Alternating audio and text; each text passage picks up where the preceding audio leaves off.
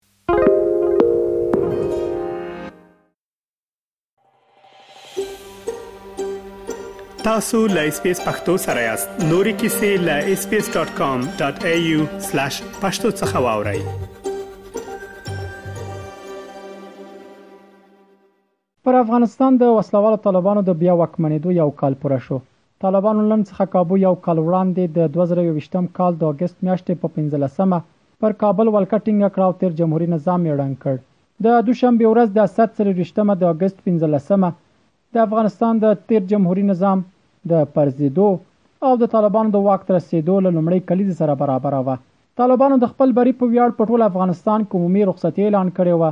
او دا ورځ یې د بریا ورځې په پار ولمانځه. د تېر یو کال په موده کې د جګړې بندېدل، د نسبي امنیت ټینګښت، د قدرت د جزیرو له منځه وړل او د واکمنۍ تر یو واحد چتر لاندې د ټول هېواد کنټرولول د طالبانو د سرپرست حکومت لاسته راوړنې بلل شوې دي. خو برعکس اقتصادي رکود، د لوږې زیاتېدل، د بانکي نظام زیانمنېدل، د ټولنیزو محدودیتونو وضع کول، له هېواده د خلکو کډوالي د نجونو پر مخ د ښوونځیو تړل، له دولتي تشکیله د ځینو مهمو بنسټونو لغوه کول، د کورنۍ مشروعیت نه ترلاسه کول او د نړیوالو رسمیت نشتوالی هغه ستونزې دي چې له کبله یې د طالبانو حکومت ته د نیوکې ګوته نیول کېږي. د تېر یو کال په جریان کې افغانان له جګړې پرته په ټولنیزه او اقتصادي برخه کې له ستونزو سره مخ وو او دې ستونزو د خلکو پر ژوند اغېز کړی دی. خو له دې ټولو موضوعاتو ور آخوا عام افغانان د طالبانو تېر یو کلنې دورې په اړه ګڼ قضاوتونه لري. ځینې د دوی د طالبانو په حاکمیت کې تېر یو کال د جمهوریت او ولسواکۍ د پای ته رسېدو او په تاریخ کې تور، له غمونو او اندېښنو ډک کال بولي. له دې ډلې یو شمېر هغو یې له ایس بي ایس راډیو سره په خبرو کې وویل چې طالبانو په خپل یو کلنه دوره کې خپلې ټولې ژمنې چې له نړیوالو افغانانو سره یې کړې وې، تر پښو لاندې کړي، افغانان یې له بشري حقونو په تېره بیا ښځې له خپلو حقونو محرومې کړي او له افغانستان څخه یې د تېرو شلو کلونو بریاوې اخیستې دي. ټوله کې د دوی دا یو کلنه دوره د افغانانو لپاره یوه توره دوره ده او موږ په دې هیله یو چې دوی کېني، فکر وکړي، که چېرته د حکومتدارۍ نیت لري، فکر لري، تعامل دې وکړي، ملت سره تعامل وکړي، نړیوالې ټولنې سره تعامل وکړي، د پاکستان نفوذ نه د ځان راوباسي او که همدغسې روان وي نو په دې باوري یو چې دوی پر وړاندې مخالفتونه ورځ تر بلې هم زیاتېږي وسلهوال مخالفتونه البته او د هغې ترڅنګ وضعیت هم نور ترنګلی کېږي د طالبانو دا یو کلن بهیر د نړیوالو سره د باور د ترلاسه کولو لپاره هم تر اوسه پورې دوی هیڅ نه دي ترلاسه کړي البته زه د یو افغان وګړي په توګه دا ویلی شم چې د افغانستان لپاره یو ستره ضربه البته یو تور ورځ و دا چې کله تیر حکومت سقوط وکړ او طالبانو واک په لاس کې واخیست خو ځینې نور افغانان بیا په دې باور دي چې د طالبانو حکومت تیر یو کلن مزل له امنیتي پلوه ښه و او په خبره یې په دغه موده کې د افغانستان په هیڅ یوه سیمه کې د جګړې له امله څوک نه دي وژل شوي. د حکومت تېر یو کلن مزل له امنیتي پلوه ډېر ښه و، ځکه چې د افغانستان په هېڅ کونج کې، په هېڅ ځای کې جګړه نه شته او نه هم په تېر یو کال کې د جګړې له امله څوک وژل شوی دی. هر څوک کولی شي چې د افغانستان هر ځای ته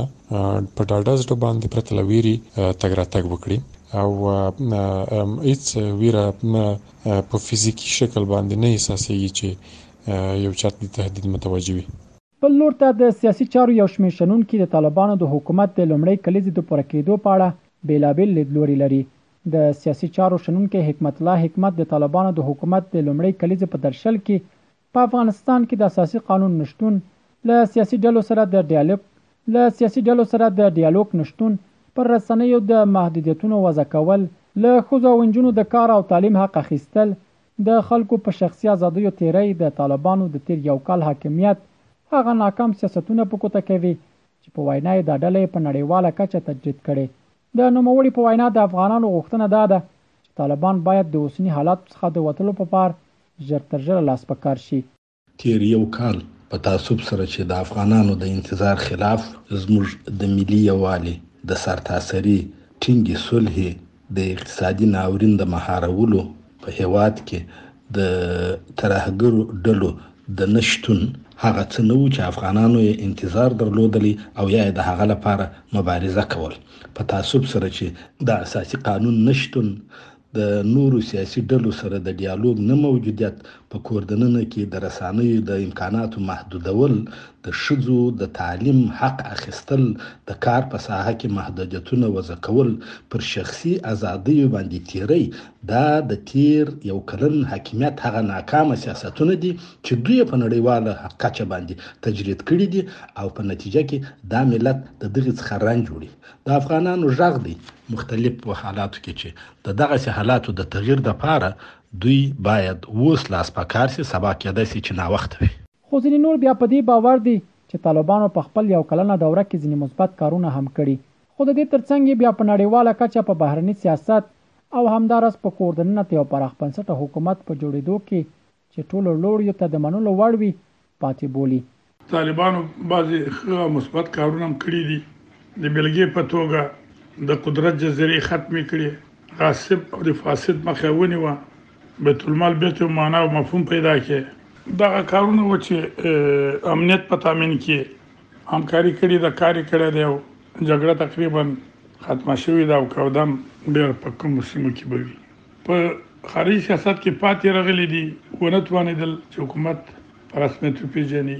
په ملي پخلاینه کې پاتې رغلي دي ونه توانېدل چې داسې وطن هوړاندې کی د افغانستان ټول خلک راټول کی او ټول په وټه هر کېنی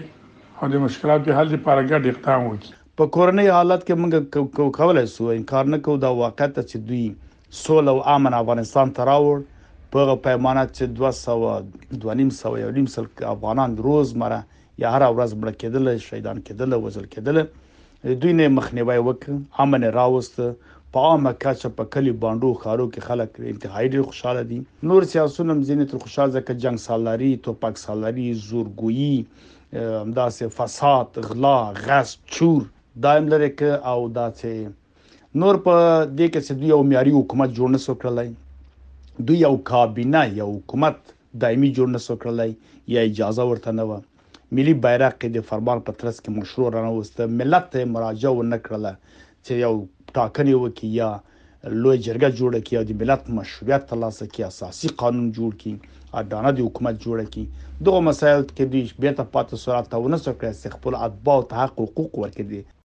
طالب چارواکي بیا دې ټولو اندېښنو ته په ځواب کې وايي چې اوسنی نظام ټول شمولی دی او د افغانستان د هر ولایت او هر قام وګړي پکې ونډه لري.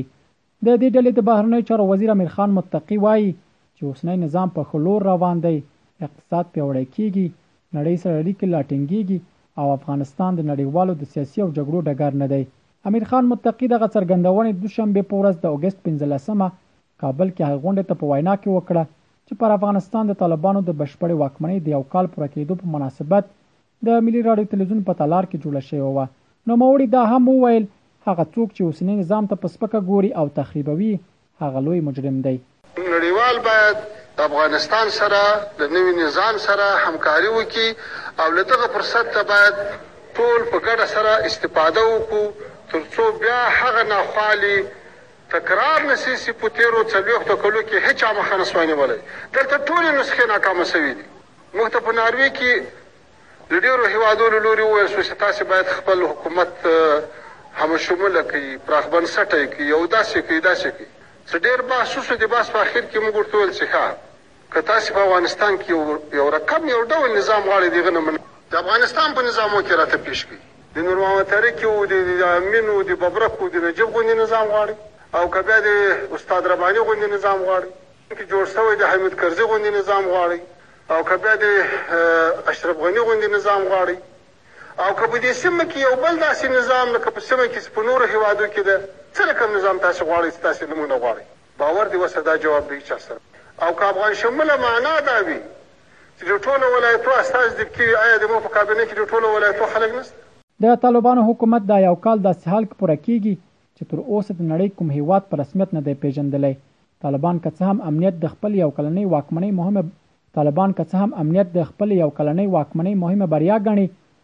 خو هغه بریاوو ته یې سخت زیان رااړولی او تقریباً یې له منځه وړې چې په تېرو شلو کلونو کې د ملیاردونو ډالرو په لګښت افغانستان تر لاسه کړې وې. رحیم الدین وړیاخېل، ایس بي ایس راډیو، افغانستان. که غواړئ دغسې نورې کیسې هم واورئ نو د اپل پوډکاسټ، ګوګل پوډکاسټ یا هم د خپلې خوښې پر پوډکاسټ یې واورئ.